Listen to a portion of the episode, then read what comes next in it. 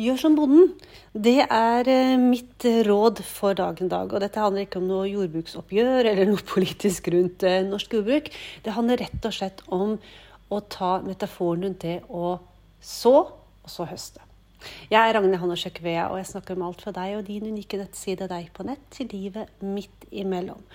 Tanken slo meg da jeg for noen uker siden gikk hjem etter å ha levert bilen på verksted. Og nå må jeg innrømme at i den perioden der så hadde jeg ikke vært veldig flink til å være ute. Det har vært mye jobb.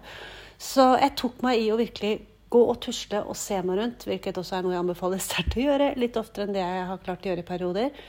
Og det som var rundt meg, var brune jorder med traktorer på.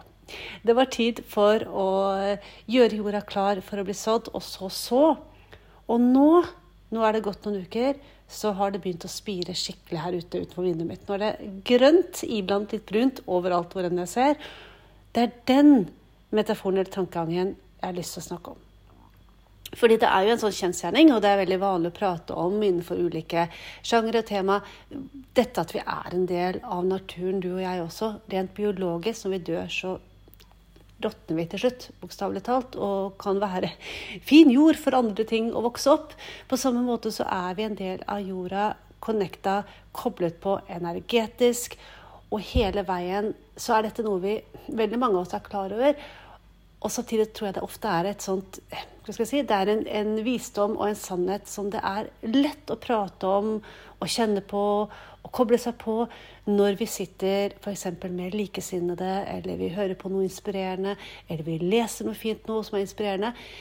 Allikevel, i hverdagen, så tror jeg det noen ganger er lett å nærmest glemme det, eller enda verre skyve det unna og tenke at det angår meg ikke, eller det er ikke sant, eller jo, men det gjelder ikke akkurat det her. Det jeg snakker om, er det at denne bonden, eh, hvem nå den er, eh, han eller hun vet at det å skulle få en god avling til høsten, det fordrer at det må gjøres noe med jorda. Det må sås noen frø, og alt dette må gjøres på riktig tidspunkt. Med riktig mengde. Og når det er gjort, så kan ikke bonden gjøre så mye mer. Da må alt videre overlates til naturen. Fordi det er ingen av oss som kan styre hvor mye regn og sol og vind og hagl det kommer i løpet av et sommerhalvår. Det eneste som kan styres, er tidspunktet på året hvor denne prosessen starter, og hvordan den utføres fram til jorda er ferdig sådd. Og så må det ventes. For så å gå i gang igjen med en ny jobb som handler om å høste inn. Det samme gjelder deg og meg med vår egen bedrift, eller hva det enn det er vi driver med. Det er bare det at eh, vi har en tendens til å bli som en sånn ung ypling. Vi bare fortsetter og fortsetter. Det blir som om vi hadde vært den bonden og går ut og ordner jorda og sår, og så vanner vi selv om det er striregn ute, for så å grave opp igjen, for så å så enda mer, for så å vanne enda mer selv om det fortsatt er striregn. Eller gjøre noe annet hele veien i en sånn kamp og en, en slags fantasiverden om at hvis vi bare gjør enda mer, nå, bare gjør enda mer, bare gjør enda mer, så vil avlingen vår bli enda bedre. Og så er kanskje resultatet tvert imot. Vi pusher og trykker og drar strikken så langt at ja, det blir noen resultater, men hva om vi hadde gjort som bonden?